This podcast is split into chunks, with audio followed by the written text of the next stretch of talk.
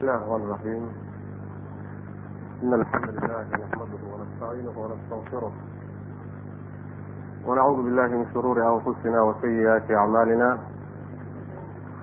من يهده الله فلا مضل له ومن يضلل فلا هادي له وأشهد أن لا إله إلا الله وحده لا شريك له وأشهد أن محمدا عبده ورسوله يا أيها الذين آمنوا اتقوا الله حق تقاته ولا تموتن إلا وأنتم مسلمون يا أيها الناس اتقوا ربكم الذي خلقكم من نفس واحدة وخلق منها زوجها وبث منهما رجالا كثيرا ونساء واتقوا الله الذي تساءلون به والأرحام إن الله كان عليكم رقيبا يا أيها الذين آمنوا اتقوا الله وقولوا قولا سديدا يصلح لكم أعمالكم ويغفر لكم ذنوبكم ومن يطع الله ورسوله فقد فاز فوزا عظيما أما بعد فإن أصدق الحديث كتاب الله وخير الهدي هدي محمد صلى الله عليه وسلم وشر الأمور محدثاتها وكل محدثة بدعة وكل بدعة ضلالة وكل ضلالة في النار macaashir alakhawaat assalaamu calaykum waraxmat ullahi wabarakaatu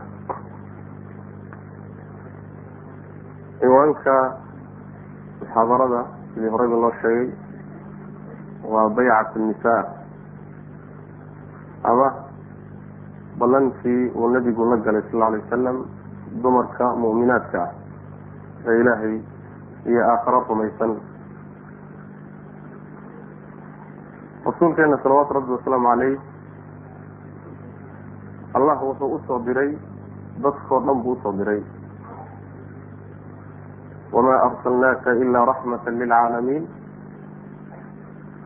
uunka oo dhan buu wuxuu u ahaa naxariis. Fariinta uu waday iyo risaalada uu wadayna ragga keliya khaas kuma ahayn. Rag iyo dumarba waa loo soo diray nabiga salawaatu rabbi wasalaamu caleyh saas daraaddeed baa waxa uu rasuulkeenu sal alay wasalam waktigiisa in badan uu ku bixiyey arrimaha dumarka oo qeyb ka mida bulshada ah. Inuu nebigu sal alay wasalam uu ka hadlo ama wax ka qabto ama mashaakishooda khuseeyo inuu nebigu sal alay wasalam cilaajiyo ama daaweeyo. Maxaa yeelay waa bulshada muslimka ah oo laba qaybood u qaybsanta qayb ka mid o waxaana rasuulkeenu yihi sal alay wasalam inama annisaau shaqaa'iq rijaal buu nabi sal lay slam dumarku waa ragga jeexooda macnaheedu waxa weeyaan raggiina intii la saaray oo xil iyo mas'uuliyad ah dumarkana intaa in ku dhow baa la saaray maadaama ay bulshadii jeex ka mida yihiin. Rasuulkeena salawaatu rabbi wasalaamu caleyhi marka waxaa jirtay saxaabadiisa guud ahaanba ballan buu nabigu la geli jiray sal alay wasalam ballantaa wuxuu kula geli jiray arrimaha waaweyn ee muhimka ah ee asaaska u ah ama gundhiga u ah nolosha nolosha adduunye iyo nolosha aakhiraba dadkii ballanta lala gelay waxaa ka mida dumarka oo nabigu sal alay wasalam si gooniya ayuu ballan ula galay ballantaa waxaa ka hadashay aayadda rabbi subxaana watacaala uu ku sheegay suuratu yani waxa wey laa tattaqid aakhirkeeda rabbi ku sheegay subxana watacaala oo aayadda rabbi leeyahy subxaana watacaala ya ayuha الnabiyu ida jaءaka almu'minaatu yubaayicnaka calى an laa yushrikna biاllahi shayئa walaa ysriqna walaa yazniina walaa yaqtulna awlaadahn wla yأtiina bbuhtani yftariinahu bayna أydihina وأrjulihin wla yacsinaka fi macruufi fabaayichun wاغfir lahuna allah in allaha غafur raxiim aayaddaas rabbi subxaana watacaala uu ku sheegay waxaa nabiga lagu yihi sal lay wasalam haddii ay ku yimaadaan hablaha mu'minaadka ah ayaga oo kugula ballamaya inaysan ilaahay cidna la wadaajinin shirki inaysan gelin. Oo aynan waxadaynin oo ayna zinaysanaynin oo ayna caruurtooda dilaynin oo ayna been abuurad la imaanaynin gacmahooda iyo lugahooda hortooda ayna been abuurad la imaanaynin. Oo shay macruuf oo wanaagsan ayna kugu caafinaynin intaa haddii ay ku yimaadaan ayagoo raba inay kugula ballamaan fabaayichunna la ballan baa nabiga la yidhi salawatu rabbi wasalaamu caleyh ballantaa la gal wastakfir lahuna allah.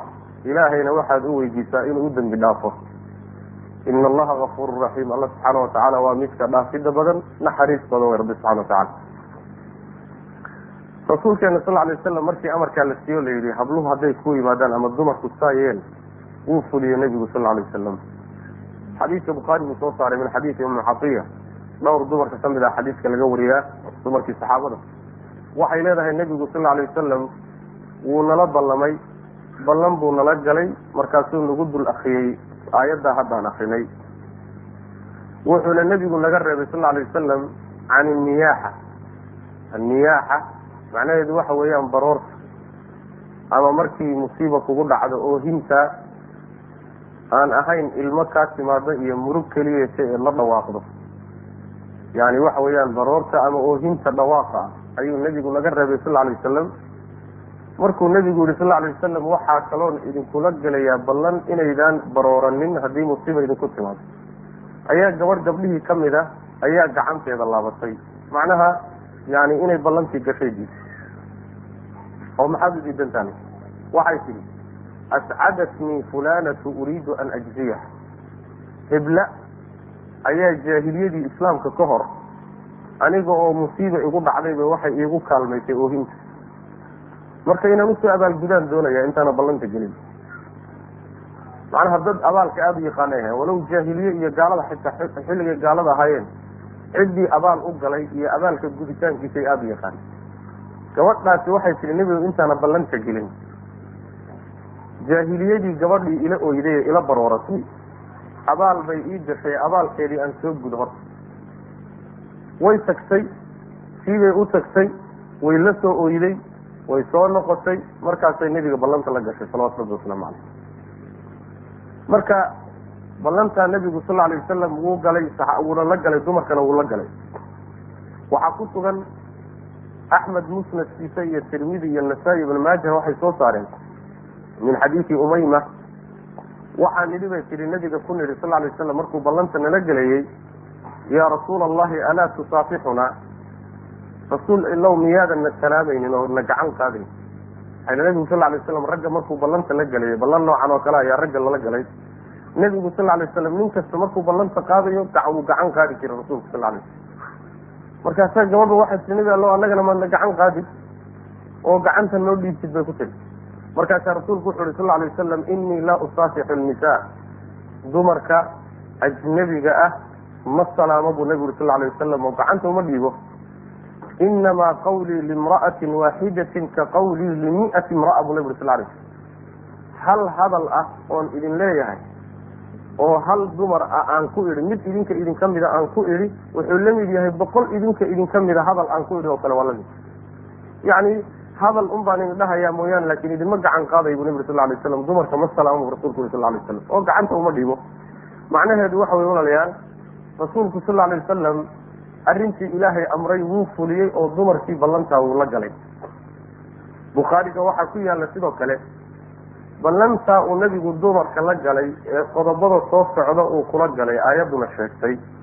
Ballantaas hal mar keliya ma dhicina mar walba way soo noqon jirta waa xilliga ciidaha xilliga ciidda nebigu sal alay wasalam dumarka intuu hortaago oo uu wacdiyo ayuu ballantaa mar labaad iyo mar saddexaad cusboonaysiin jiro dumar ka qaadi jiray nebigu sal alay wasalam sida saxiix bukhaariga ku yaalla.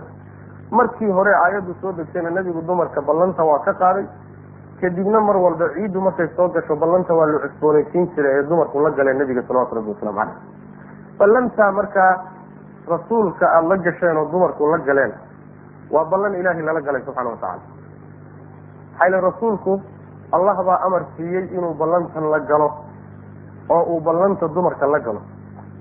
Ballanta aan la galnay rasuulkeenana sal alay wasalam waa ballan aan ilaahay la galnay subxana watacala ballan aada ilaahay la gashayna ilaal ilaalin adag bay kaaga baahantay ilaa caadi maaha ruux agtaada ku weyn oo agtaada qiimo ku leh oo aada ixtiraamayso ballan uu kula galay lama jabiyo waa la ilaaliyaa.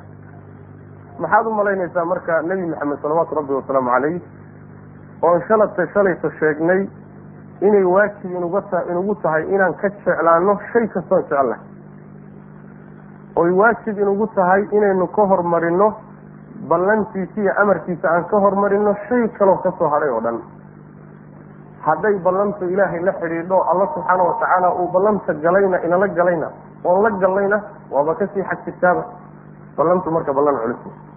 Ballantaas qodobo ama yacni shuruud bay leedahay. Qodobada ballanta lagu gelayo ee suuraddu sheegtay ama aayaddu sheegtay waa dhowr. Midda koobaadi waxa weeyaan calaa an laa yushrikna billahi shay-an inaynan allah subxaana watacaala waxba la wadaajinin xaqa ilaahay idinku leeyahy muxuu yahay? Xadiidka mucaad ibni jabal rasuulkeena sal alay wasalam buu neef geela la saarnaa. Markaasuu nabigu u yeedhay sal alay wasalam yaa mucaad buu ku yihi mucaadow wuxuu yihi labayka wasacdayk ku yeelay rasuul allow hee wey macna. Hee. Wuxuu nabigu sal alay wasalam ma taqaanaa xaqa ilaahay addoommadiisa ku leeyahay xaqa iyagu ay ku leeyihiin rabbigood ma taqaanaa wuxuu yihi allahu warasuuluhu aclam ilahay rasuulkiisaa garanay. Markaasaa nabigu wuxu yhi sal alay wasalam xaqu llahi cala alcibaad an yacbuduuhu walaa yushrikuu bihi shay-a xaqa ilaahay addoommadiisa ku leeyahay waxa weeye inay keligii caabudaan oo cibaadadiisa ayna cid kale la wadaajinin allah iyo addoommadiisa inayna waxba isugu darin. Allah iyo addoommadiisu waxba ma wadaagi karaan. Allah iyo awliyadu wax ma wadaagi karaan allah iyo malaa'igtu wax ma wadaagi karaan. Allah iyo meydka yani meydtida iyo awowyadii dhintay wax laysuguma dari karo. Waxyaabaha ilaahay gooni leeyahay subxaana watacaala ee xaq uu gooni u leeyahay ah waa inaad isaga u gooni yeeshaan oo aydan wadaajinin alliyo cid kale aydan wax isugu darin. Shardigaasi waa qodobka koowaad ee ballanta lagu galayo. Wey waa qodobka koowaad oo ah cadamu lishraaki billahi shay-an inaysan ilaahay cidna la wadaajinino alle iyo khalqigiisa aysan wax isugu darin qodobkaasi waa qodobka diinta asaaska u ah qodobka diinta islaamka asaaska u ah oo diintii nebi maxamed uu la yimid asaaska u ah waxa weeye inaad allah keligii caabudo cibaadada aada caabudaysana aadan cid kale la wadaajin oo macnuhu muxuu yahay rabbi subxaana watacaala waxyaala uu khaas la yahay baa jira masalan yacni waad tukanaysaa waad cibaadaysanaysaa. Cibaadada aada cibaadaysanayso ama waxaad ku hadlaysaad ku cibaadaysanaysaa ama waxaad samaynayso ficil ahoo lugahaaga iyo gacmahaagu samaynayaan baad ku cibaadaysanaysaa. Yacni hadal iyo ficil midkaad ku cibaadaysanaysaba waa inaad allah u gooni yeesho oo keligii aada ula qasatood ula niyooto. Cid kalena meesha aadan soo gelin haddii cibaadadii aada dan kale ka leedahay ama ujeed ujeedo kala wadato ama ujeedo adduunyaad doonaysaa magacbaad doonaysaa ha lagu ammaanaad doonaysaa ha lagu sheegsheegaad doonaysaa yacni haddaad ammaan iyo magac ku doonayso cibaadadii ilaahi subxaana watacaala macnaheedu waxa weeye allah iyo addoommadiisa wax isugu dartay. Qalbigaaga waxaa ku jira hebel aada wax kaga heshay qalbigaaga waxaa ku jira bulshadu ha kugu ammaanto. Qalbigaaga waxaa ku jira magac aad ku yeelat qalbigaaga waxaa ku jira waxoogaa dheefa aada ku gaadhay allah baa la doonayay keligii inuu qalbigaaga ku jiro aadan cid kale ku lamaaninin haddii taa la waayo bimacnaa waxa weeyaan shirkigii aayaddu ay ku bilowday bunuudda iyo qodobada heshiiska iyo qodobada ballanta ayaad jebisa wey markaas saas daraaddeed baa rabbigeen cidina wax la wadaagi kareen haddaad ciduun baryayso ilaahay keligii bari subxana watacala idaa sa'alta fas'al illaah waida istacanta fastacin billah haddaad cid un wax weydiisanayso alle keligii wax weydiiso. Haddaad cidun kaalmo ka dalbayso ilaahay keligii kaalmo ka codso. Haddaad cidun gargaar weydiisanayso alle keligii gargaar weydiiso.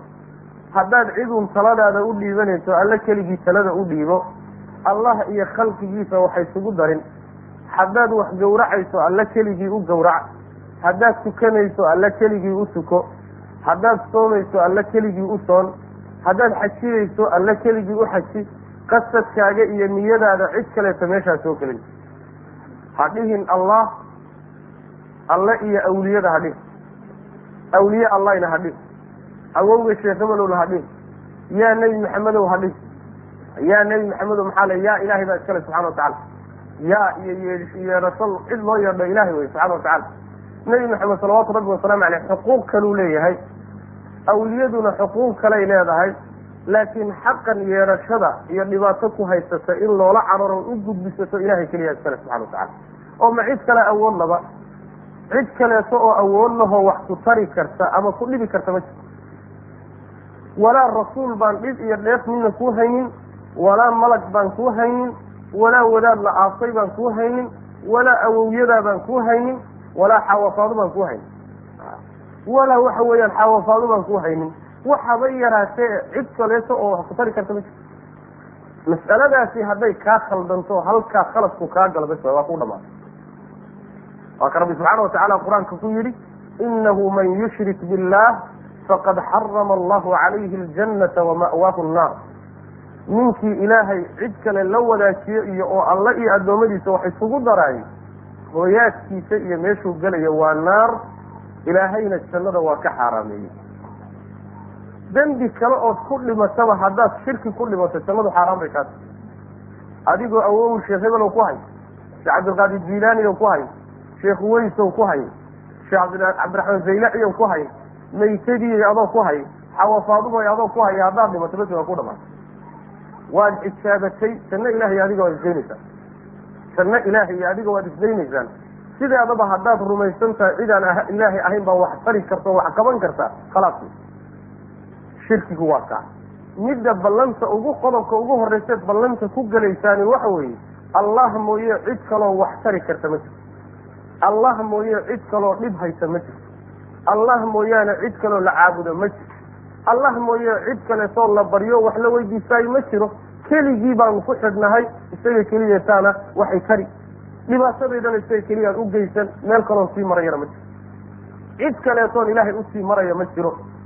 Macnaha waxaa laga wadaa shirkiga iyo gaalnimo waxa ah inuu ruuxu yidhaahdo ilaahay toos uguma tegi kartida sii mara cid kaleeto oo lagu yidhaahdo masalan yani dawladda haddaad madaxweynaha qaabili rabto waa inaad lagu sii geeyo nin masalan waxa weye weji kule waa inuu ku sii qaado wasiirkuu geeyo wasiirku ku kaxeeyo madaxweynaha sa aad ugu tagto oo yani waxa weeye dariiqa inaad marto mooyaane miyaad madaxweynaha toos ugu tegi kartaa albaabkiisa ma garaaci kartaa. Maya hadda ilahayna albaabkiisa ma garaaci kartid baa lagu leey maxaan sameeya sheekh hebel iyo sheekh hebel soo mar waa kufri gaalnimo wey rabbigeen subxaana watacaala wuxuu yihi waida sa'alaka cibaadii canii fainii qariibun ujiibu dacwata daa'i rabbi subxana watacala addoommadaydu hadday ku weydiiyaan waxaad tidhaahdaa u sheeg inaan u dhowahay baryadoodana aan aqbalayo toos ii weydiisa bu rabbilahi subxana watacala maxaa jidkaa dheer ina marinay sheekh hebel iyo fulan iyo hebel maxaa na marinay rabbigeen subxaana watacaala waa inoo dhow yahay bal nabigeena wuxu uri sal alay wasalam wuxuu idinka dhow yahay rabbi subxaana watacaala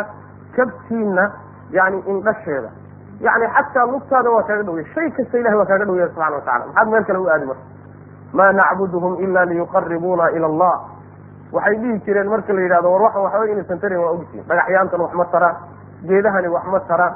Waxanaad samaysateen waxba inaysan tarin waa ogtiina maxaad ku falaysaan waxay dhihi jireen uma caabudayno inay ilaahay noo dhoweeyaan mooye. Ilaahay bay u dhow yihiin annaguna ilaahay baan u sii marayna saasay dhihi jireen. Waxay dhihi jireen shufacaauna cinda allah. Ilaahay agtiisay nooga ergeynayaano aakhare ilahay markaan u tagno iyagaa wax noo qaban doona ilaahay bay noola hadli doonaan. Ilaahay bay nagala hadli doonaan. Saasay u caabudi jireen. Waana midda ilahay yidhi waa gaalnimo subxaana watacala marka walaalayaal ruuxii janno doonayow rabbigaa subxaana watacaala iyo khalqigiisa waxay isugu darin. Xuquuqda ilaahay gooni u leeyahayna cid kale hala wadaagsin waxaad dhimataa adiga oo kirsan cid kaloo waxhaysa inaysan jirin alla mooye subxaana watacala cibaadadaadi iyo qasadkaagana halkaa ay ku salaysantah waxaa kaloo rabbi subxaana watacala walaalayaal qur'aanka ku yidhi inahu man inahu man yushrik billah yani inahu man yushrik billahi faqad xarama allahu a faqad xarama allahu calayhi aljanna wama'wahu nnaar yani jannadu waa ka xaaraam hooyaadkiisi iyo meeshuu gelayana waa naar. Waxaa kaleeto oo qur'aanku inoo sheegay ruuxaan qodobkaa iska adkaynin oo tawxiidkiisa aan hagaajinin oo shirki ku dhacayo wixii camalee kale uu shaqaysanaya oo dhan inuu baaba-ayo salaadii asixi mayso seko meel kuu dhigmi mayso xaj meel kuu dhigmi maayo wax sansuuq aakhare ku yaallo camal kuu galahayaba ma jiro haddaadan shirkiga iska ilaalin. Camalkaaga oo dhan waa baaba-aya. Hal bacaad lagu lisay buu noqonaya.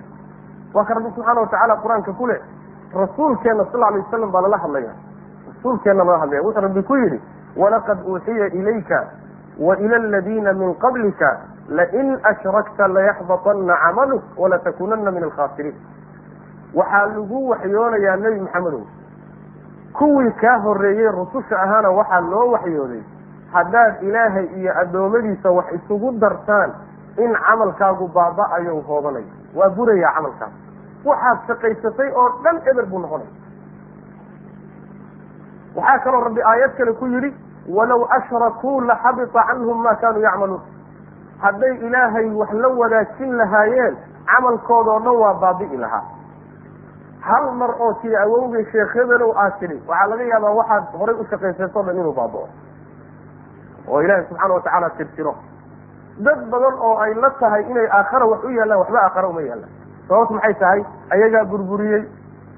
Salaad aad tukanayso kaa burtay oo kale wa tawxiidku mar hadduu buro wax camaloo kuu dhigmayo ma jiro. Shirkigu marka waa qodobka koobaad ee nebigu dumarka kula ballamay salawaatu rabbi wasalaamu caleyh inay ka fogaadaan calaa an laa yushrikna billahi shay-an allah subxaana watacaala iyo khalqigiisa waxa wadaajinina oo rasuulkeenu wuxu uhi salawaatu rabbi wasalaamu caleyh man maata laa yushriku billahi dakhala aljanna waman maata yushriku billahi dakhala annar buu nabi sal lay sl war ruuxii dhintay isagoo allah wax la wadaajinayaayo naar buu gelaya ruuxii dhintay isagoon allah wax la wadaajinaynin oo keligii caabudayana jannuu gelayaa buu nabi uri salawatu rabbi waslamu caleyh waa muujibataan. Midna jannay waajibisaa waa tawxiidka. Midna naar bay waajibisaayo waa shirkiga.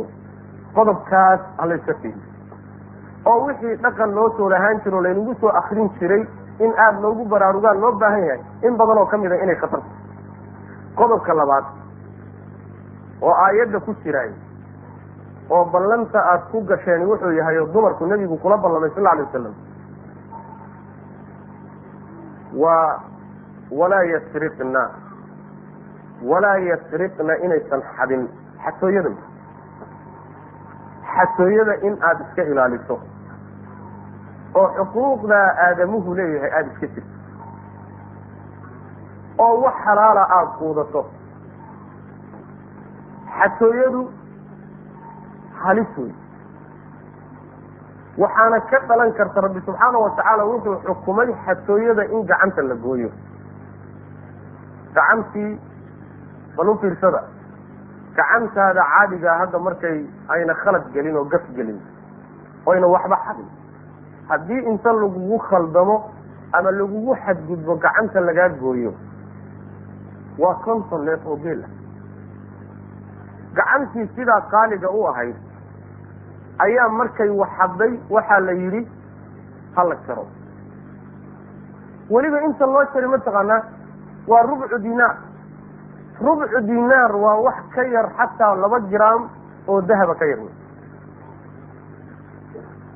laba jiraam oo dahaba wax ka yar hadday xaddo hal la gooyaa la yidhi ayb oo shalayso kontan neefoo geelay xisaabsanayde maanta maxaa loo yidhi wax yar oo aada u yar ha loo gooyo.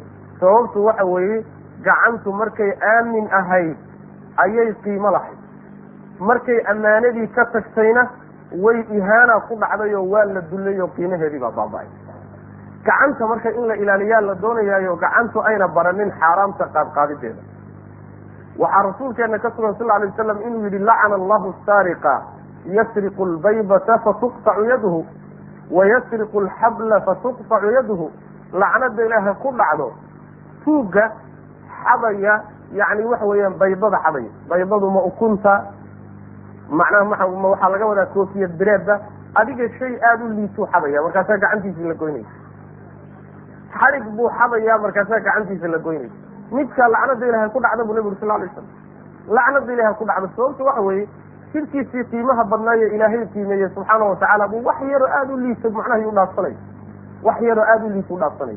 Xatooyadu marka sharaf ma ah qiimana ma ah.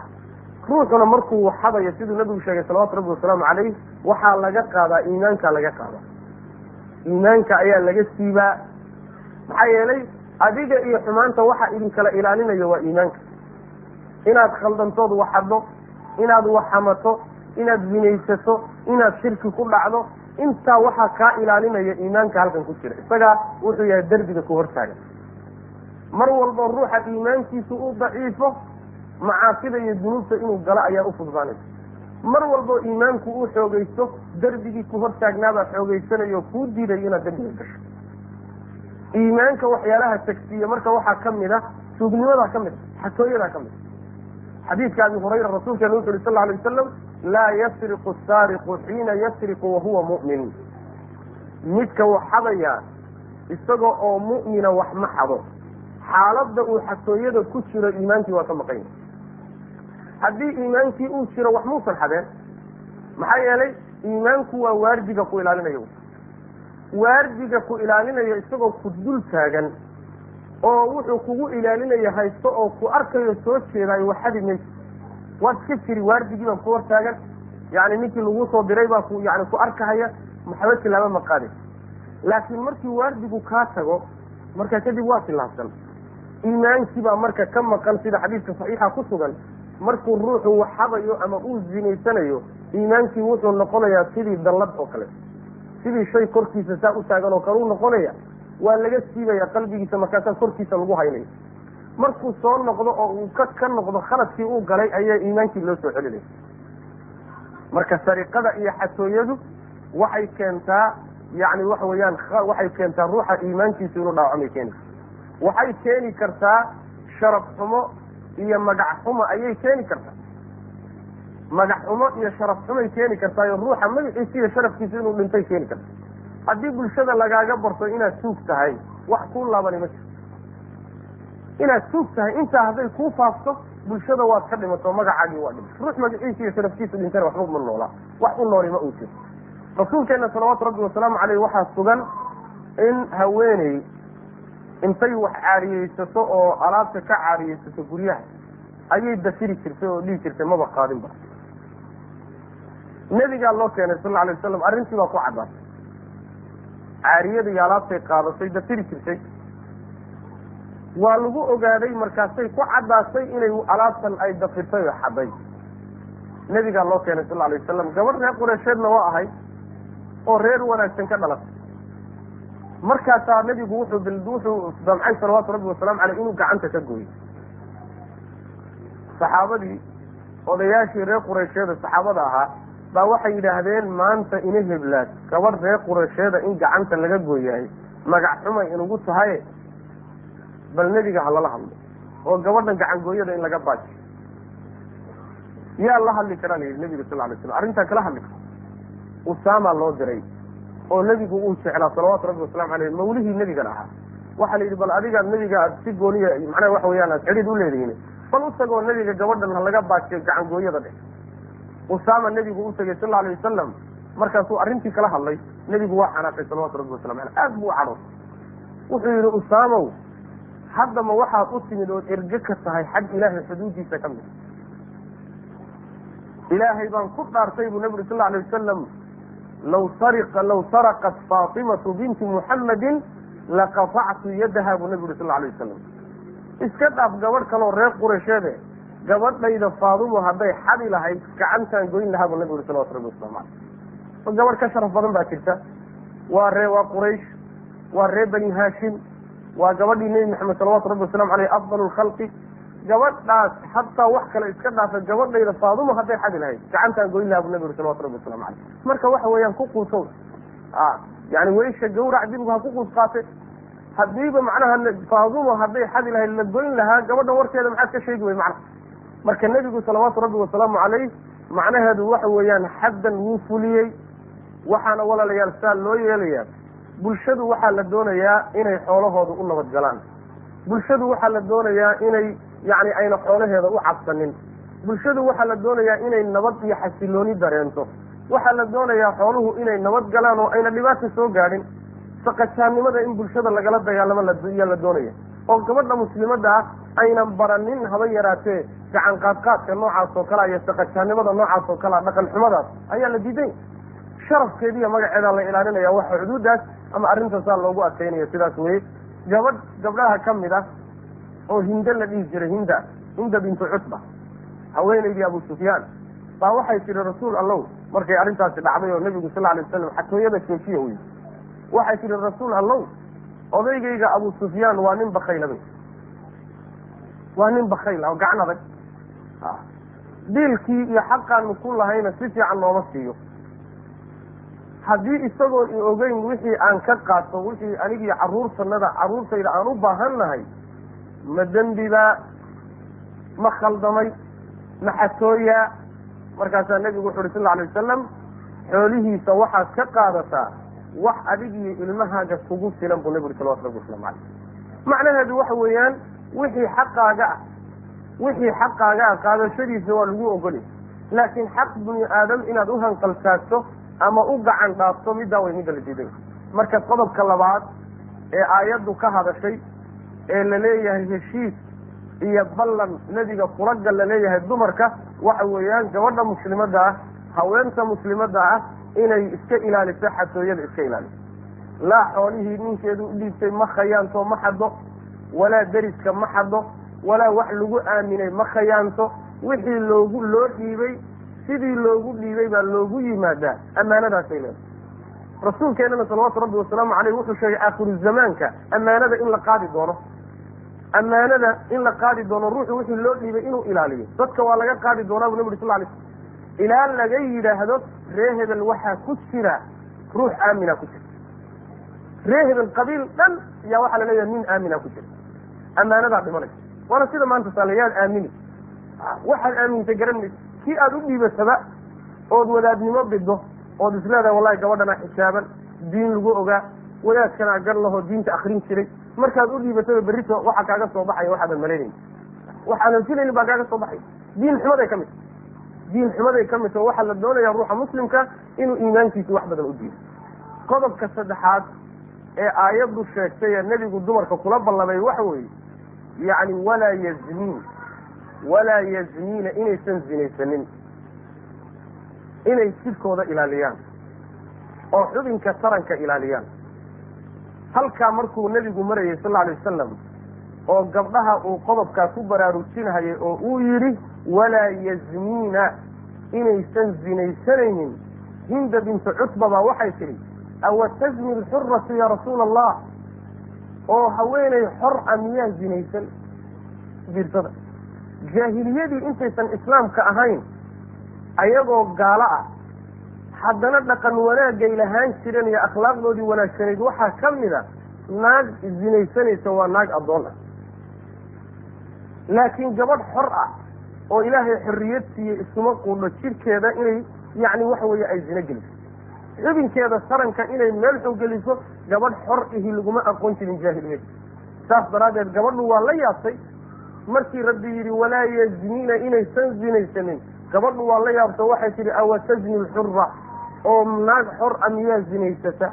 La yaab waa la yaabay waa la yaab maxaa yeele bulshaday ku soo kortay ayay zinadu waxay ka ahayd shay aada u liitoon qiimo lahayd.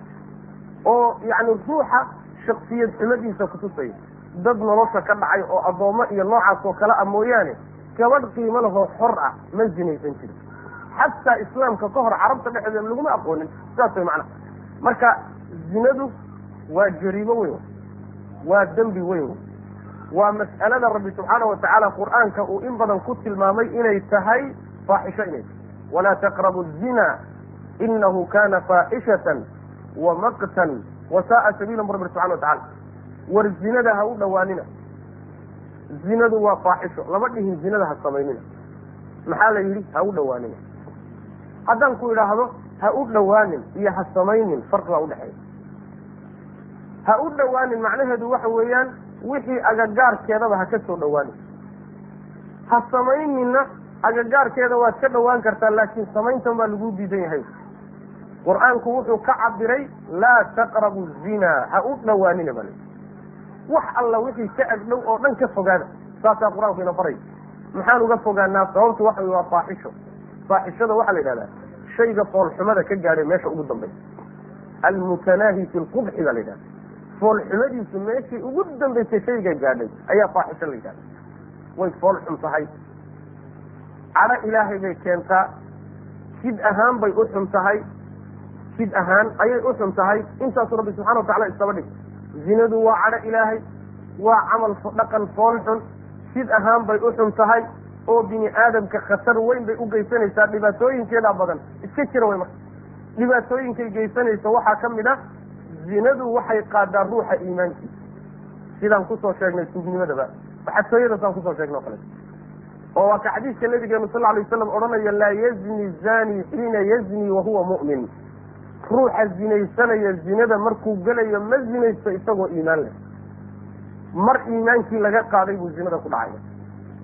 Iimaankii qalbigiisa ku jiray iyo khayrkii qalbigiisa ku jiray mar laga siibay oo iimaan la'aan uu yahay unbay zinada ku dhacaya ruux. Ama rag ha ahaado ama dumar ha ahaado.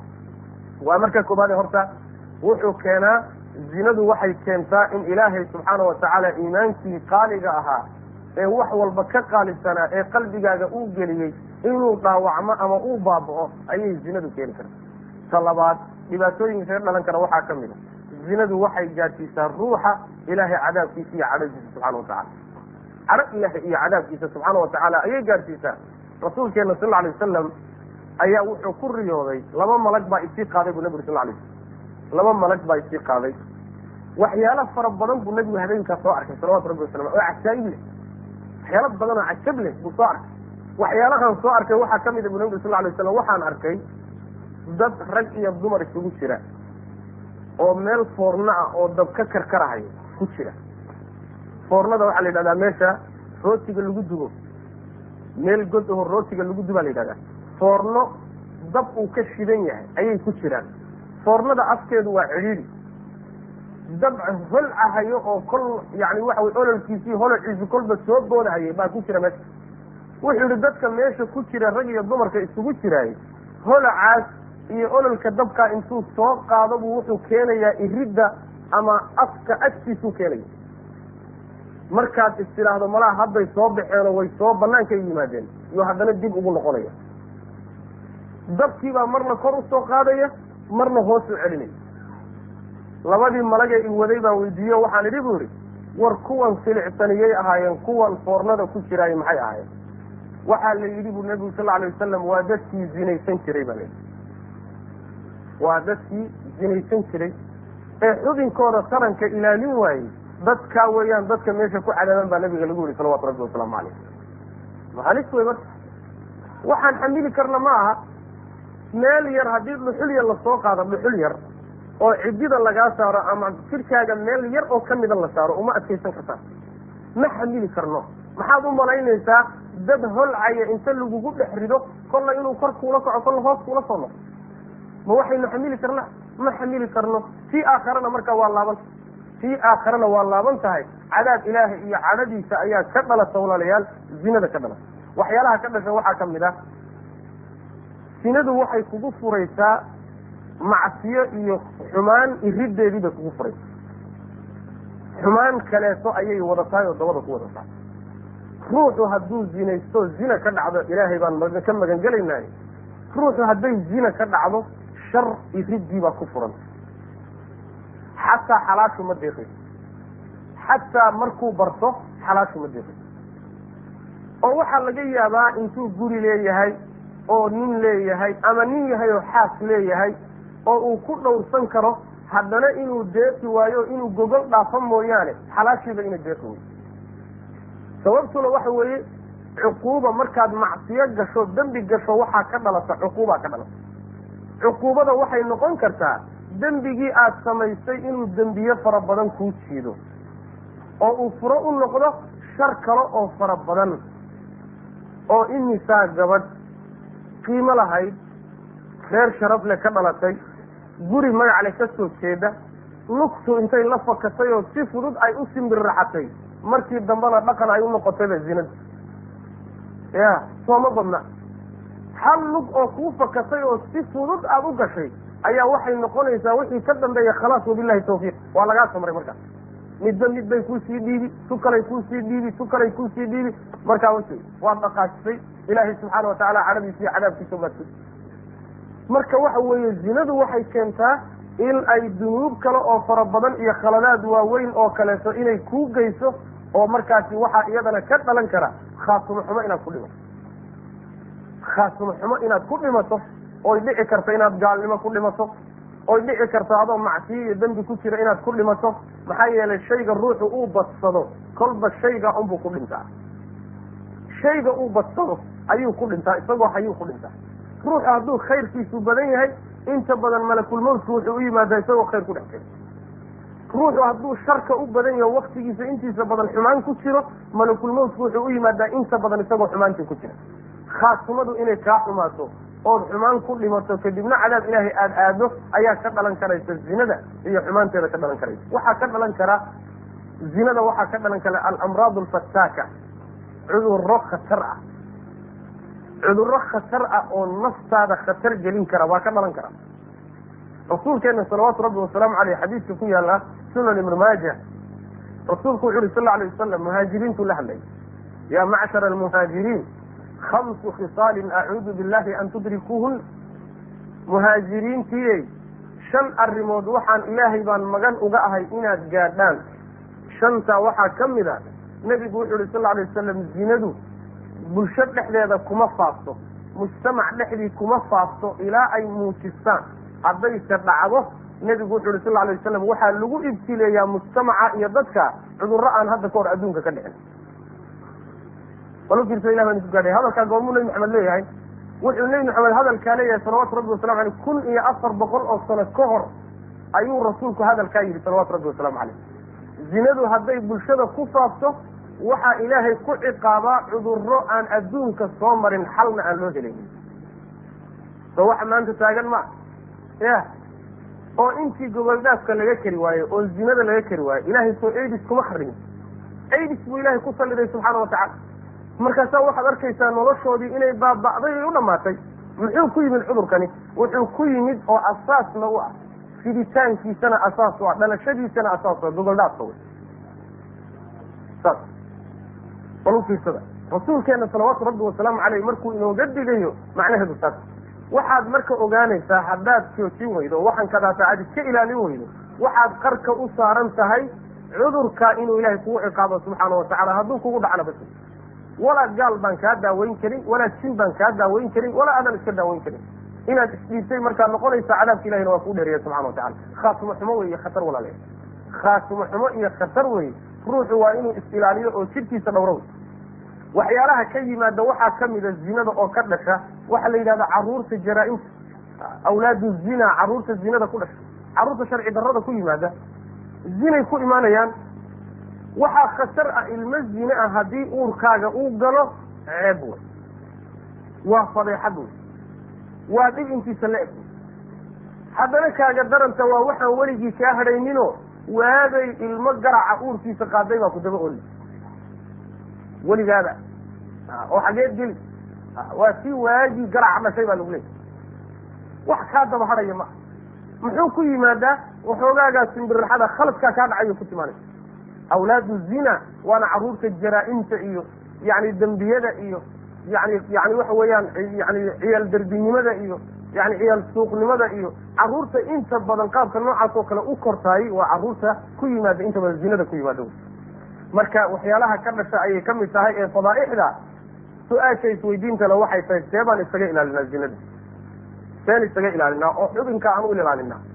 Waxaa loo ilaalinaya rasuulkeena wuxu uhi salawatu rabbi wasalaamu caleyh laba inuu ilaalinayo ruuxii ii damaano qaada laba shay ruuxii ilaaliya jannadaan u damaano qaadaya bu nebigu yuri salawatu rabbi waslamu caleyh labadaasi waa labadee nebigu wuxu uhi sal alay wasalam labadiisa lugood waxa u dhaxeeya ruuxii ilaaliya.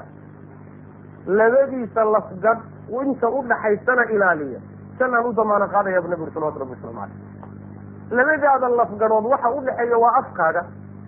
Labadaada lugood waxa u dhexeeyana waa xubinka taranka labadaa ruuxii ilaaliya jannadu meel ol bay u tahay waa garanti nebigaa damaano qaaday salawaatu rabbi wasalaamu caleyh labadaa ma ilaalin kartaan?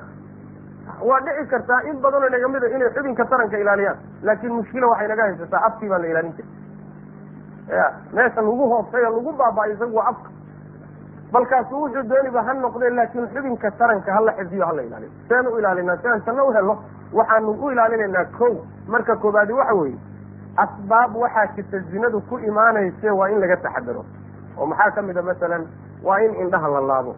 oo indhahaaga aada xumaanta ka laabto sidii shalayso aynu ka hadlaynay inay arrintaasi kugu kaalmaynayso ilaalinta xubinka qur'aankaa sheegay. waqul lilmu'minaati yaqdudna min absaarihina wayaxfadna furuujahuna bu alla ihi subxana watacala mu'minaadka waxaad ku tidhaahdaa indhihiina laaba. Waxaa lagu xijiyey xubinka tarankana ilaaliya xubinka taranka ilaalintiisa isha laabideeda ayaa kugu kaalmaynaysa maxaa yeelay ishu waa sahanka xumaanta marka hore sahamiyo. Labada xumaanta samaynaya marka ugu horeysa intaynan jidhkoodu isgaadhin oynan wada hadlin indhaha is ag hor ishaa balaayo oo dhan sahmi waxaa la yidhahdaa nadratun fa ibtisaamatun fa kalaamun fa mawcidun fa liqaaun baa la dhaha nadratun marka hore waa la arkayaa. Markii la arkana waa laysu muusoonayaa. Waa laysu dhoolla cadaynayaa. Marka xigtana waa la wada hadlayaa. Marka xigtana waa la ballamayaa. Marka xigtana waa la kulmaya balaayadoo dhan maxaa furay? Furaha balaayadoo dhan bilaabay maxay? Waa isha wey. Waa isha. Laba xumaan samaysay haddaad aragtaan ishaa isugu horreysay wax isa sahmiya hadal bay ka horreysay qosol bay ka horreysay sheekay ka horreysay faaxishaday ka horreysay ishaa wax walba furtay saas daraaddeed baa rabbigeen ina leeyahay waqul lilmu'minaati yaqdudna min absaarihina indhahooda ha laabeen balaayayayna kugu furin. Oo irid shariyayna kugu furin. Oo balaayayayna kuu keenin isha laab baa laleeyahy waa kow. Masalada labaadi waxa weeye saan horayba u soo sheegnay muxaadaradeeni shalay aynu ku sheegnay inay gabadha muslimadii ka taxadarto nin ajnabiya inay qol la fadhiisato oo ay iridda soo laabato taana waataan shalay sheegnay oo waa khalwadii sababtu nabigeenu wuxu uhi sal alay wasalam shaydaan baa sadexaynaya buu rasulku uhi salawatu rabbi waslamu caleyh shaydaan hadduu idin sadexeeyo waa isku kiin qalqaalinaya waa isku kiin riixayaa waa isku kiin qurxinayaa wuxuu ka shaqaynayaa inaydaan meeshaa ka kicin in xumaantii aada samaysaan mooye taana waa inaad ka taxadarto waxaa kaleeto oo ka hortaga ka mid ah yacni waxa weeyaan asturka. Gabadha muslimadda inay gurigeeda u badan tahay haddayna dan lahayn. Oo gurigeeda aynan ka bixin waktiga intiisa badan inay guriga ku qaadato waqarna fii buyuutikunna walaa tabarajna tabaruja aljaahiliyati aluulaa. Hablihii mu'minaadka ah oo guryihiina ku sugnaada quruxdiinana banaanka ha geynina sida naagihii jaahiliyada ee gaalada ahaa naagaha jaahiliyada gaalada waxay samayn jireen. Naag walba jidhkeeda meesha quruxsan bay banaanka geyn jirtay midii gacantu quruxsan tahay gacantay muujin jirtay. Midii timo quruxsan timahay muujin jirtay. Midii kubab quruxsan kubabkay muujin jirtay. Naag walba meeshay u quruxsan tahay bay muujin jirtay. Rabbi wuxuu leeyahy subxaana watacaala kuwii gaalada oo kale ha noqonine. Rabbi wuxuu leeyahy subxaana watacaala horta guryihiina ku sugnaada jooga. Waa dan baad u baxdeen soo maaha. Haddaad dan u baxdaan quruxdiina ha muujinina is astura halkaa waxaa soo gelaya asturkii. Xijaabka la idin saarayo shalaysa ka hadalay oo gabadha muslimadda markay baxayso labiskii sharciga inay qaadato ka hortag waxay u tahay zinadii bay oo dee naagta intay isqaawisay oy iscadrisay oy is-udgisay jidka maraysaay macnaheedu soo ma aha warragiiyo isoo fiiriya. Ya warragiiyo isoo raaca wey macnaheedu. Si oodan afka ka dhihin wey haddii wixiina aada muujiso ishoodii ku dhacayso ha ahaatee udgoon aada isu soo marisay o sanka la soo raacahayaan hadee meel udgoon waa la jecel yahay waa lagu soo raacay. In lagu soo raacana adaa kalifay ina keenaad leeda ina keena marka jidhkana qariya haddaad baxaysaanna aadaabta loo baahanya waxaa ka mid a is-udginin udayga ku isticmaala guryihiina nabigeenu wuxuu ihi salawaatu rabbi wasalaamu calayh haweeneyda intay is-udgiso cadar marsato baxaysa nebigu wuxu uhi sal alay wasalam waa zaaniyad buu rasulku uhi salawatu rabbi waslamu calayh waa zaaniyad leanna zinadii bay u yeedhaysa zinadii bay u baaqaysa haddaad tihiin dumarka soomaalida dhaqamada runtii yani waxa weeye aada u liitay ee masalan yani dumarka soomaalidu yaqaana waxaa ka mid ah haweentu inay guriga u yaalaan cadar iyo wax laysoo diyey iyo wax walba uu guriga u yaalo laakiin mushkiladeedu meeshii loogu talagalay uma isticmaasho. Waxaa loogu talagalay guri iyo ninkaaga iyo macnaha gobashaada yaa loogu talagalay. Laakiin maxaa sameeyaan? Way iska dhiganayaan maalintay baxayaan ama aroos u socdaan ama siyaaro u socdaan maalinkaasaa la isbuuxinaya inta kalena waa qaybsanaanaya meeshii ilaahay diidayna waa loo isticmaalay meeshii rabbi ogolaana subxaana watacala looma isticmaalay marka in aad ka taxadartaan maxaa yeele waxyaalaha zinada soo jiidi karaya isqaawintu waa waxyaalaha zinada keenaya in ay raggu ay dumarka raa raadcaystaan oo raadsadaanna asbaabta keenaysa ayay ka mid tahay. Waxaa ka mid a walaalayaal waxyaalaha lagaga hortegi karayo in aada horay u guursataan. Ruuxu inuu guurka ku degdego maxaa yeele nabigeenu wuxu uhi sal alay wasalam ruuxii ilaahay uu siiyo ruux wanaagsan oo nolosha la wadaaga oo hadday haweenay tahayna nin wanaagsan la siiyo. Hadday nin tahayna gabadh wanaagsan ruuxii la siiyaayo diintiisii nis ka mida ayaa loogu kaalmeeyey ee niska kale ilahay kaga cabso macnaheedu waxa weye guurka dadeg ha degdegi maxaa yeele ruuxu hadduu guri leeyahay oo ay gabadhu nin leedahay inay zino u baahataba uma badno uma baahanaysaba leanna ninkeedii baa jooga. Inay hanqal taagto oo ay rag kaleeto u hanqal taagto ama indhaha u taagtahay umaba ay baahnaba.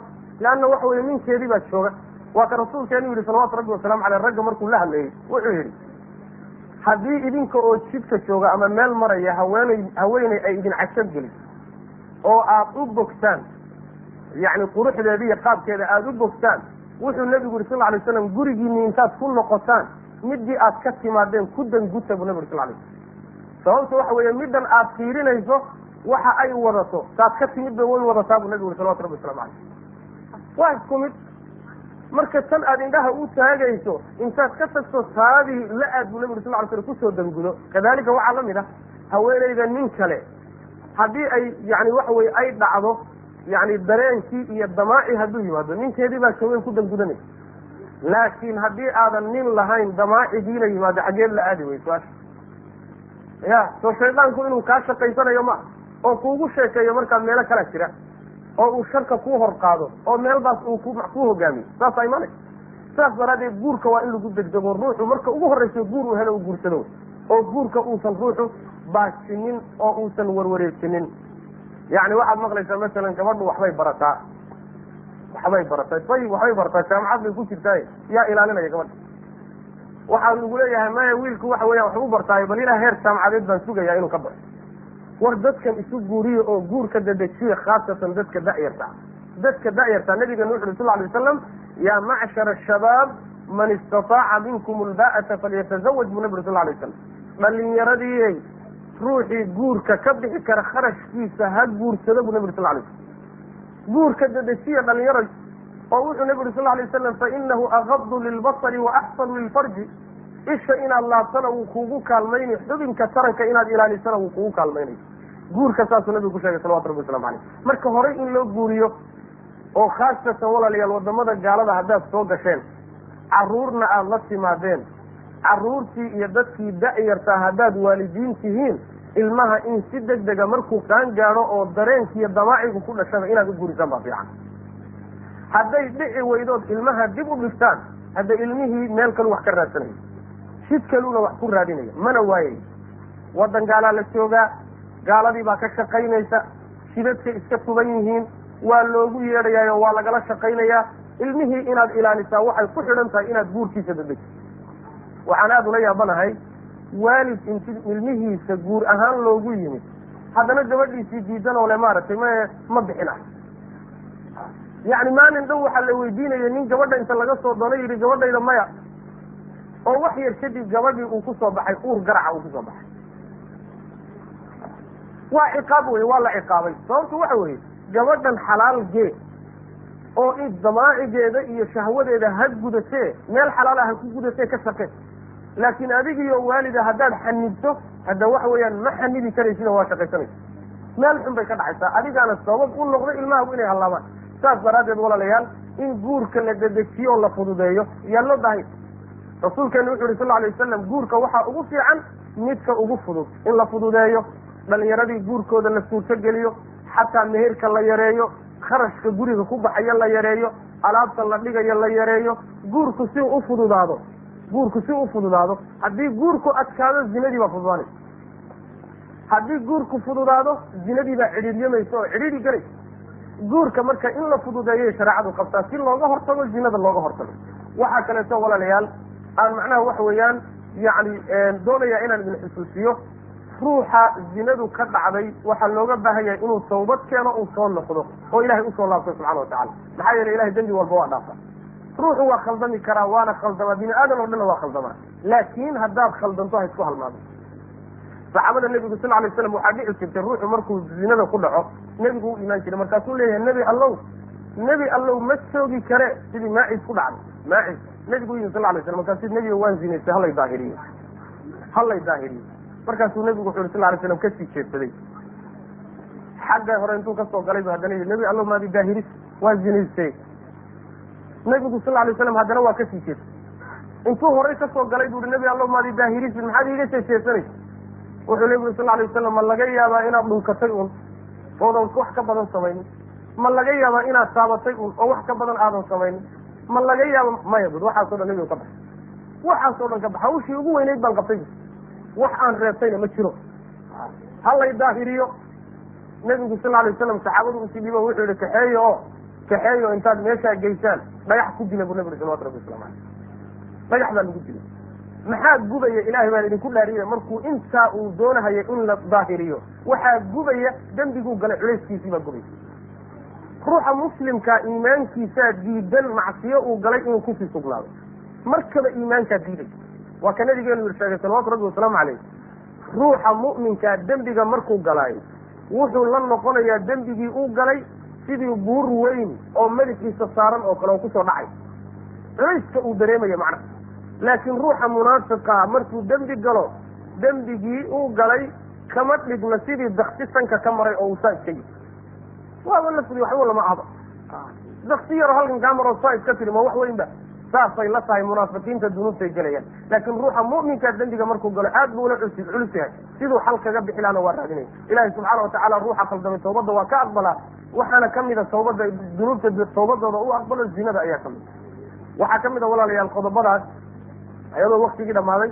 Qodobada waxaa ka mid a aayadda ku soo arooray ee nebigu sal alay waslam dumarka uu ballanta kula galay yacni walaa yaqtulna awlaadahunna dumarku inaysan carruurtooda dilin.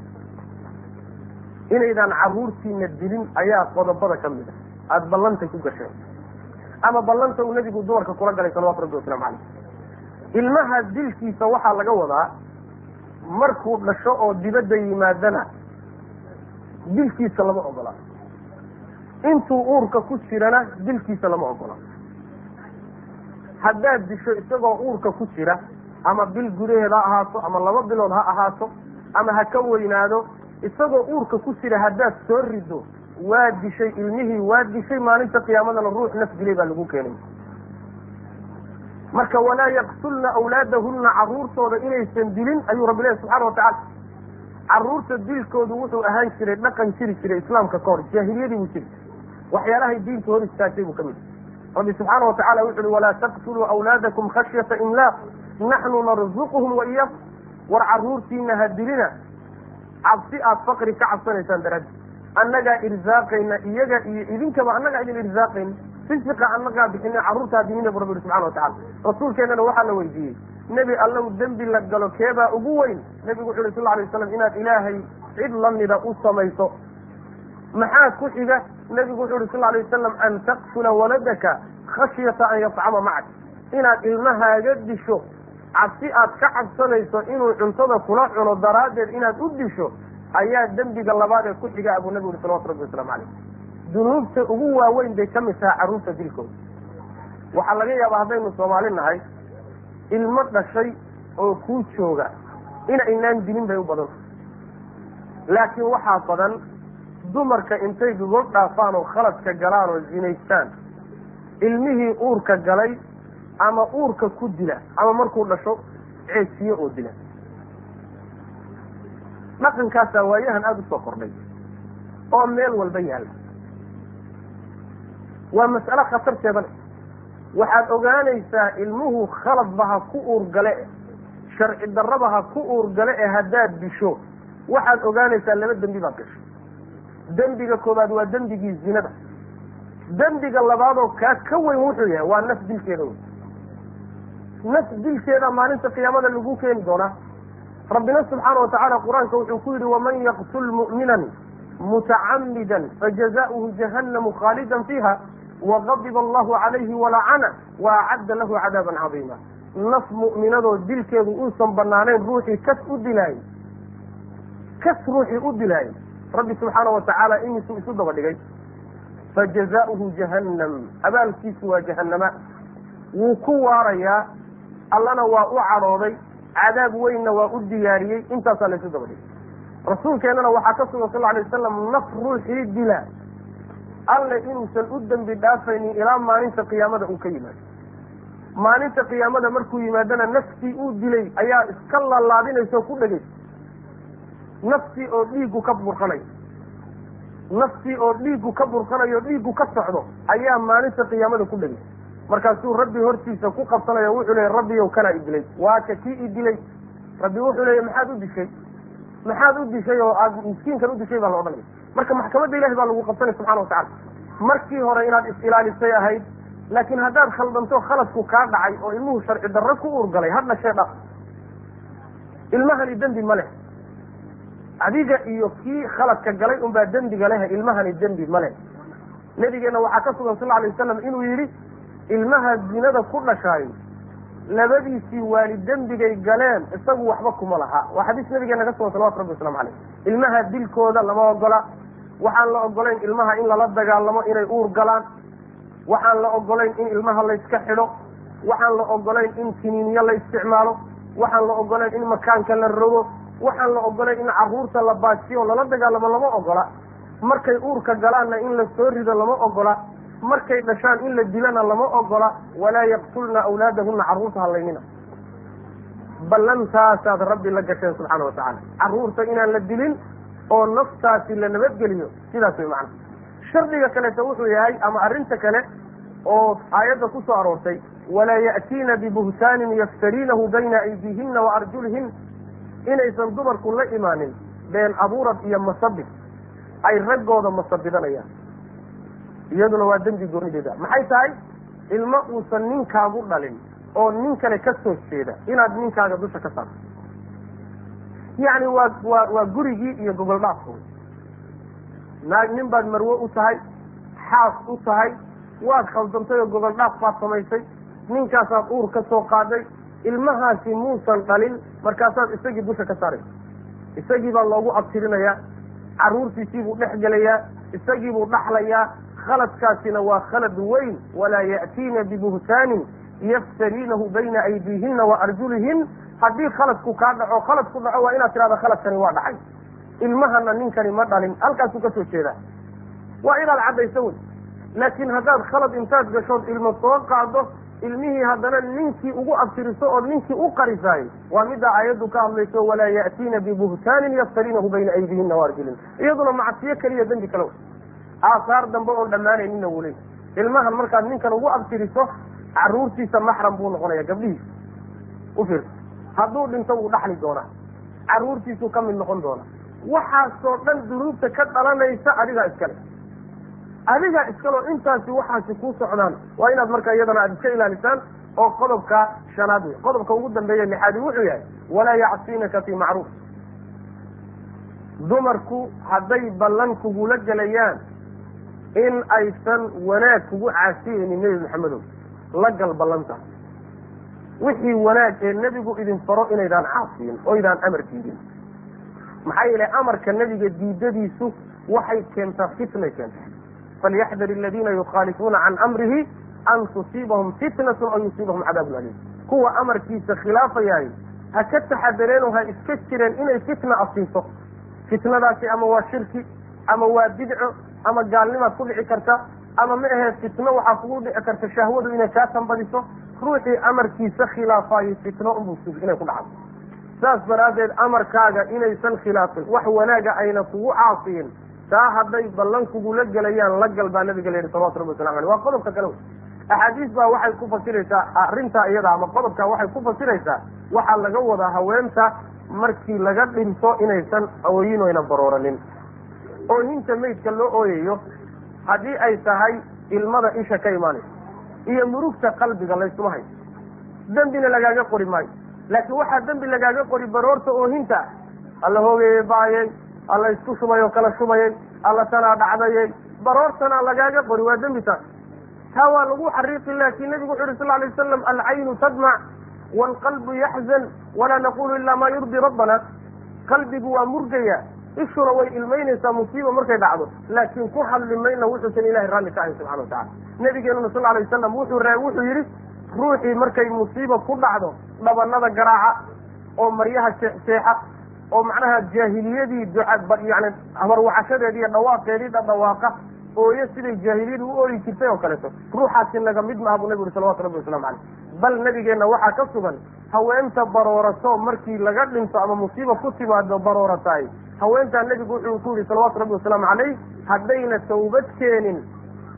Ilahay jannadiisu xaaraan bay ka annaa'ixa buu nabi uri sal lay slam ida lam tatub qabla mawtiha tuqaamu yawma alqiyaamati wacalayha sirbaanun min qatiraan wa dircun min jar min jarab nebigu wuxu uhi sal lay wasalam naa'ixada haweenta baroorata haddayna tawbad keenin intaysan dhiban maalinta qiyaamada la soo istaajinaya ayadoo marada ay labisan tahay ay tahay baalka yidhahdo daamurka daamur la dhalaaliyey baa maro looga dhigaya ta kaleeto dirica ay xidhan tahay iyo cambuurkeeduna waxaa laga dhigaya cadho cadhada jidhka googoysa soomada cadhadaasaa jidhkeeda lagu googoynaya saas daraaddeed nebiga amar uu bixiyey iyo taladiisa iyo waa la casinin ballantaana waad gashay oo macnaha hadday ballan ku saabsan tahay gurigaaga hadday ku saabsan tahay dhaqaalahaaga hadday ku saabsan tahay ninkaaga hadday ku saabsan tahay carruurtaada hadday noloshaada qaybay kaga saabsan tahayba amarkii nebigu bixiyey ee macruufka iyo wanaagga inaydaan caasiyin intaa haddii aad diyaar u tihiin waa ballantii nebigu dumarka la galay salawatu rabbi waslamu caleyh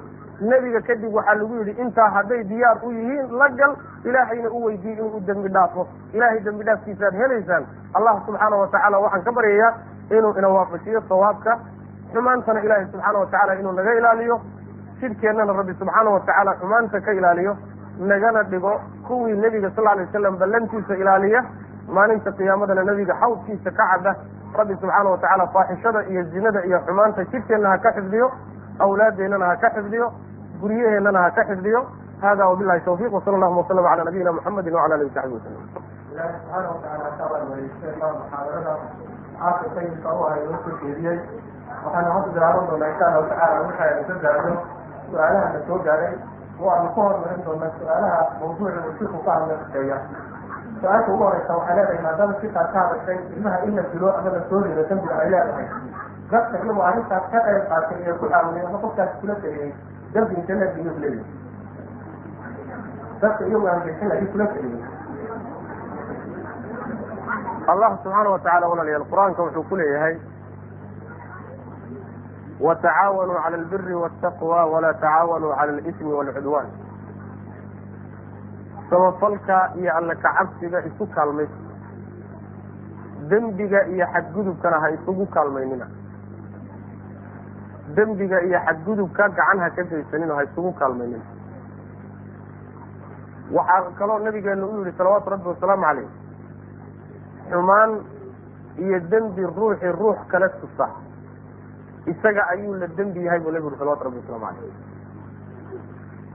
midka tusay ee ka shaqeeyey ee baabuurka ku qaaday ee isbitaalka geysay ee kula talisay ee u afcelisay ayada iyo midii dishay waa isku dembi leanna waxa weeyaan mas'aladu waxa weeye dunuubta marna mubaashara lagu helaa marna sabab bay kugu timaadaa haddaad ruuxani inuu dhinto aada sabab u ahayd adaa dilay. Haddii gacantaada aada ku dishayna adaa dilay haddaad gacan ka geysatay dilkiisana waad ka qayb qaaday. Saas daraaddeed ruuxu waa inuu aada uga fogaado maalinta qiyaamada aan loo soo istaajinin ruux dilkii baad ka qayb qaaday. Saas wey ruuxii ay ka dhacdayna ha tawbad keeno ilaahay baa tawbadda aqbala subxana watacala inkastoo naf dilkeeda tawbadeeda si loo aqbaliba ay adag. Oo ruux markii la dilo saddex xaq baa ku tacalluqa. Xaq ilaahay baa ku tacalluqa addoonkan aad dishay xaqiisaa ku tacalluqa. Kan la dilay xaqiisiibaa waxaan dhihi laha waxaa ku tacalluqa. Dadkii laga dilay xaqiisaa ku tacalluqa. Saddex xaq baa ku tacalluqa. Haddii dadkii aad ka dishay uu ka dhashay aada wax siisoy raalli kaa noqdaan. Allana kaa dhaafo. Intaad u toobad keento tiisii kaa dhaafo. Kii aad dishay eed khaladka ka gashay isaga aakharu kugu sugaxaya halkaasu kaaga horreeya laba mid sida nebigu sheegay salawatu rabbi wasalaamu caleyh dad baa imaan buuhi maalinta qiyaamada waxay la imaanayaan. Acmaal waaweyn oo buuraha le waxaa soona maxaa sadaqa maxaa xaj ayagoo soo dadaalay bay wax weyn la imaanaya markaasaa waxaa imaanaya dadkii ay khaladka ka galeen baa meesha issoo tubcay kan way caayeen kan wuu ku khaldamay kan wuu u gacan qaaday kan wuu dilay. Maxaa la samaynaya marka? Nebigu wuxu uhi sal alay wasalam waxaa loo qaybinayaa waxaa loo qaybinayaa camalkiisi saalixa. Kan salaadiisii baa la siinaya kan sakadiisii baa la siinaya kan xajkiisii baa la siinaya. Markii ay ka dhammaadaan dadkiina weli taa taagan yihiin ayaa waxaa la odhanayaa dunuubtooda inta laga soo qaada isaga dusha laga saaray. Markaasaa naarta lagu tuurayaa buu nabigu uri salawatu rabbi wasalaamu caleyh soo maarta walaalayaal marka yacni khaladkaasi waa khalad aan sahlanayn. Ruuxa khaldamaya ha lagu waaniyo inuu tawbad keeno. Oo hadday dhacdo masalan gabdhaha inay wax ka dhacaan ama haweenta ay khalad ku dhacdo waa in la yidhahdo ilaahay u toobadkeen oo soo noqo oo la waaniyo oo loo caqli celiyo. Laakiin haddaan garab orodno nidhaahno maya iska soo tuur. Maya anaa kuu garanayo anaaba kharashka kaa bixinayo naa waxaan ceebtahay hadda waxa wey xaggeen la geli marka. Sia ilahay looga bakan subxana watacala wabilahi tawfiiq. Su'aasha labaad anagoo sida ku codsanayo noo soo gaabay su'aalaha waktigooda mida darteed su'aashan waxay leedahay qof xoolihiisii saka ay gaareen laakiin xoolihii ay saddex qaybood u qaybsan yihiin. Qayb dayn ku maqan iyo qayb badeeca ku jirta iyo qayb uu kaa haysto. Qofkaas sakadiisi buu bixinayaa ma xoolihiisi oo dhan buu xisaabinayaa markaasuu intii sakada ay ka goynayaa mise inta uu kaa ku haysto ayuubu sakadooda ka bixinaya bismillah sakada waxa weeye waxaa loo bixinayaa sida soo socota.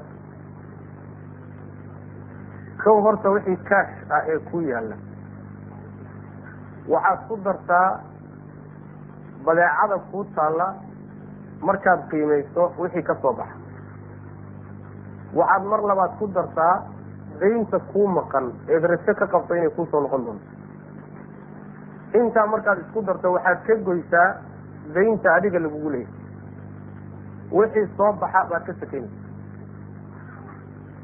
yacni waa kaashka badeecada kuu taalloo la qiimeeyo wixii ka soo baxay daynta kaa maqaneed rajo kaleeda inay kuusoo noqonayso saddexdaasoo laysku daray oo laga gooyey daynta lagugu leeyahay aada ka jartay wixii ka soo baxa ayaa laga sakeeyaa wabilahi tawfiiq.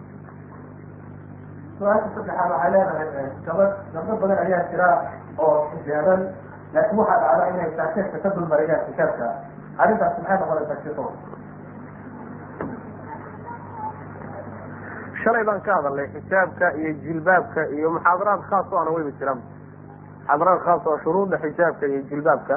Hadday gabadhu intay jilbaabka qaadato oo saddexdii maree shalayka sheegayey yani waxa weye cambuurkii iyo yani hodoogtii iyo jilbaabkii ka korreeyey intaa intay qaadato kadibna ay ka kor qaadato saakeedka ka kor qaadato. Dhibaato male haddii qasad iyo dhaxan iyo waxsaas oo kale ay jiraan baas male insha allahu tacala wabilahi tawfiiq su'aasha iyadu waxay leedahay nin haweenkiisi wuxuu ku furay saddex dalqadood buu hal mar ku wada furay kadibna wuxuu dhahay raajactu arrintaas shareecadu maxay ka qabtaa gabadhaas kama soo noqonaysaa raajactudaas dambe suurtagal ma tahay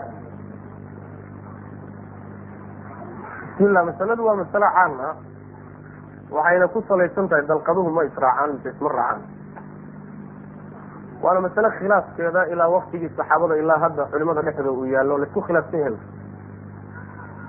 waxaase xoog badan dalqaduhu inaysan israacin saasaa daliilahaan xoog badan. Oo ninku markuu yidhahdo saddex dalqadood baan kugu furay hal dalqada un bay noqonaysa. Sidaas saxiix muslimka sida ku yaalla. Waktigi waktigii nabigeena sal lla alay wasalam saasay ahaan jirtay saddexda hal baa laga soo qaadi jiray waktiga abubakr sidiiq radi allahu canhu sidoo kale saddexda hal dalqad baa laga soo qaadi jiray. Waktigii cumar saddexdii sane u horreysay saasay ahayd iyadana. Cumar waktigiisii dambaa waxaa badatay in saddex dalqadood dadku ay ku furaan oo raggu khaladka ay badiyaan. Cumar baa marka ganaax ahaan wuxuu ku ijtihaaday oo ku ganaaxay saddex ninka yidhahda naagtii waa ka wada furanta wax u soo noqonayana ma jiro saddexdiiba waa waa u dhamaatay marka cumar ijtihaadkiisay ahayd fuqaha badan baa ku raacay laakiin sida saxiixa waxa weeyaan saddex haddii la yidhaahdo waa hal dalqada saasayna ahaan jirtay qur'aankana saa unbaaba laga fahmayaaba qur'aanka waxaa laga fahmayaa inaysan dalqaduhu israacin. Oo rabbi qur'aanka wuxuu ku yidhi altalaaqu marataan dalaaqa xaaska ninku uu soo ceshan karo waa laba goor.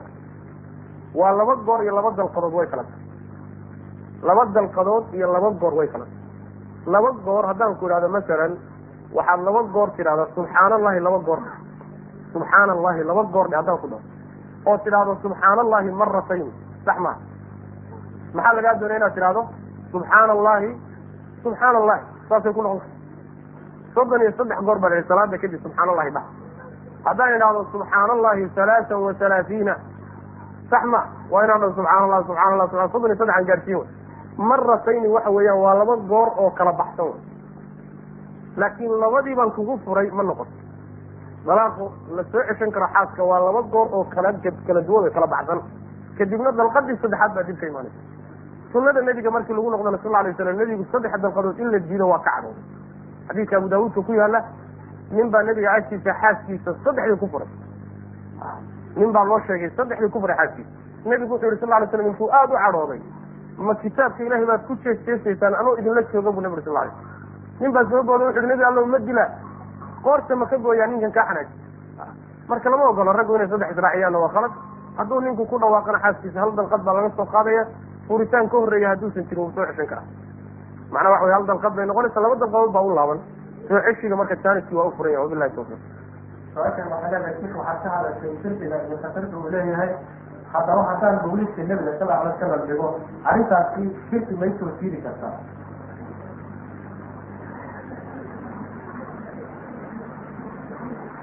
muxaadaradii shalayso waxaan ku sheegnay nabiga sal alay wasalam xuquuqda uu inagu leeyahay inay ka mid tahay inaan jeclaano iyo sunadiisii iyo dariiqiisii inaan raacno mawliidkoo la sameeyo dariiqii nebi maxamed ma ah isaguna inagulama dardaarmin. Saxaabadiisiina ma samaynin. Kuwii ardadooda ahaa ee ka dambeeyeyna ma samaynin. Nebi maxamed waktigiisii markii laga joogo afar boqol oo sano markii laga joogo buu mawliid ku bilowday ummaddii intaa ka horreysay oo dhan ee nebigu ammaanay sal alay wasalam mawliid ma aqoonin. Marka labaad mawliidka waa dhaqan ka soo jeeda. Nebigu maalinkuu dhintay in la weyneeyo waa dhaqan ka soo jeeda christianka ka soo jeeda nasaaradu ka soo jeeda. Sababto waa bulshada lagu yaqaano nebigoodu waktigii ay leeyihiin wuu dhashay inay weyneeyaan. Muslimiintu halkaasay ka soo qaateen nebiguna gaalada khilaafa buu yidhi waafaqaynama dhig ta kale kitaabta mawliidka la yidhaahdo ee la akriyo inta badan shirki iyo gaalnimaa ka buuxa haddaad macnihiisa garanaysaan soomaali baynu inta badan carabiga ma naqaane. Haddii macnihiisa aada garanaysaan qur'aankana garanaysaan gaalnimadiisa waa idin muuqnaada kitaabka mawliidka la yidhahdo waa kitaab kufri wey gaalnimaana ka buuxda shirki baana ka buuxda. Ta kale waa shay bidca ah nebiguna bidcada uu inaga fogeeyey salawatu rabbi waslamu caleyh bidcada nebigu waa inooga digay salawatu rabbi wasalaamu caleyh nebiga ma jeceshahay? Haddaad jeceshahay sunadiisii raac yani waxa weeyaan salligiisa badi laakiin maalin baan la imaanayaa aan nebiga laga soo gaadhin oon anigu sheekaya kala imid ama wadaaddo aan ka soo gaadhay taasi waxa weeyaan waa khalad. Saas daraaddeed waa arrin khatara ama waa bidco ama waa shirki labaduba halis bay leedahay. Marka mawliidka iska dhaaf mawliidka waxaa la mid ah istifaadubay baa la mid. Oo yani yani waa dhaqanka dumarka meesha wadaadada yani waxa wey ragga la yidhi mawliid baa loo sameeyey. Haweenkana waxay sameeyeen wax la yidhahdo yani sitifaadumay sitifaaduma iyaduna wax jirta maha waa khuraafa iyaduna waxa la qaadqaadahaya iyo waxa la samaynayo isuimaadkan iyo waxa la karinayo kulli waa wada khuraafaad ruuxa diintiisa khatar bay ugeysanaysaa dhaawac bayna geysanaysaa walaasha su'aashan waxay leedahay sidee sheekh aan imaankaga kor u qaadi karnaa si aan u helno qalbi hanuunsan imaankaga sababaha noo kusugelinaysa inaan kor u qaadno maxaa ka mid ah iimaanka waxyaalaha kor u waxaa ka mid a qur'aanka akrintiisa macnihiisa inaad fahamtana aad isku daydo. Ko waxaa ka mid a iimaanka kor u qaadidiisa inaad mar walba ka fikirta geerida iyo qiyaamo aad ka fikirto waxyaalaha iimaankaaga korin kara ayay ka mid waxaa ka mid a inaad adduunyada iska fududayso ood adduunyada u aragto waxaan qiimo lahayn. Iimaanka waxyaalaha kobcin kara waxaa ka mid oo korin karaya in aad sunnadii nebi maxamed iyo dariiqadiisa iyo axaadiistiisa aada raacdo waxaa ka mid a iimaanka waxyaalaha kobciya in aad ilaahay makhluuqaadkiisa waaweyn aada u fiirsato oo aad ka fikirto dhulkan samaawaadka qoraxda dayaxa buuraha geedaha badaha. Waxaan cajabta badan naftaada markaad si fiican u dhuuxdo iimaankaagaa kobcay. Waxaa ka mid a inaad aada u fiiriso ilaahay nicmooyinkuu kuu galay subxaana watacaala caafimaadka ilaahay ku siiyey xoogga ilaahay ku siiyey xoolaha ilaahay ku siiyey carruurta alla ku siiyey waxyaalaha inaad qalbigaaga ku celcelisood u fiirsato ayaa keeni karaya iimaankaagu inuu kobco waxaa ugu dambeeya inaad ilaahay baryadiisa bariso subxaana watacaala ood allah weydiisato inuu iimaankaaga kobciyo oo iimaanka kuu kordhiyo wabilahi tawfiiq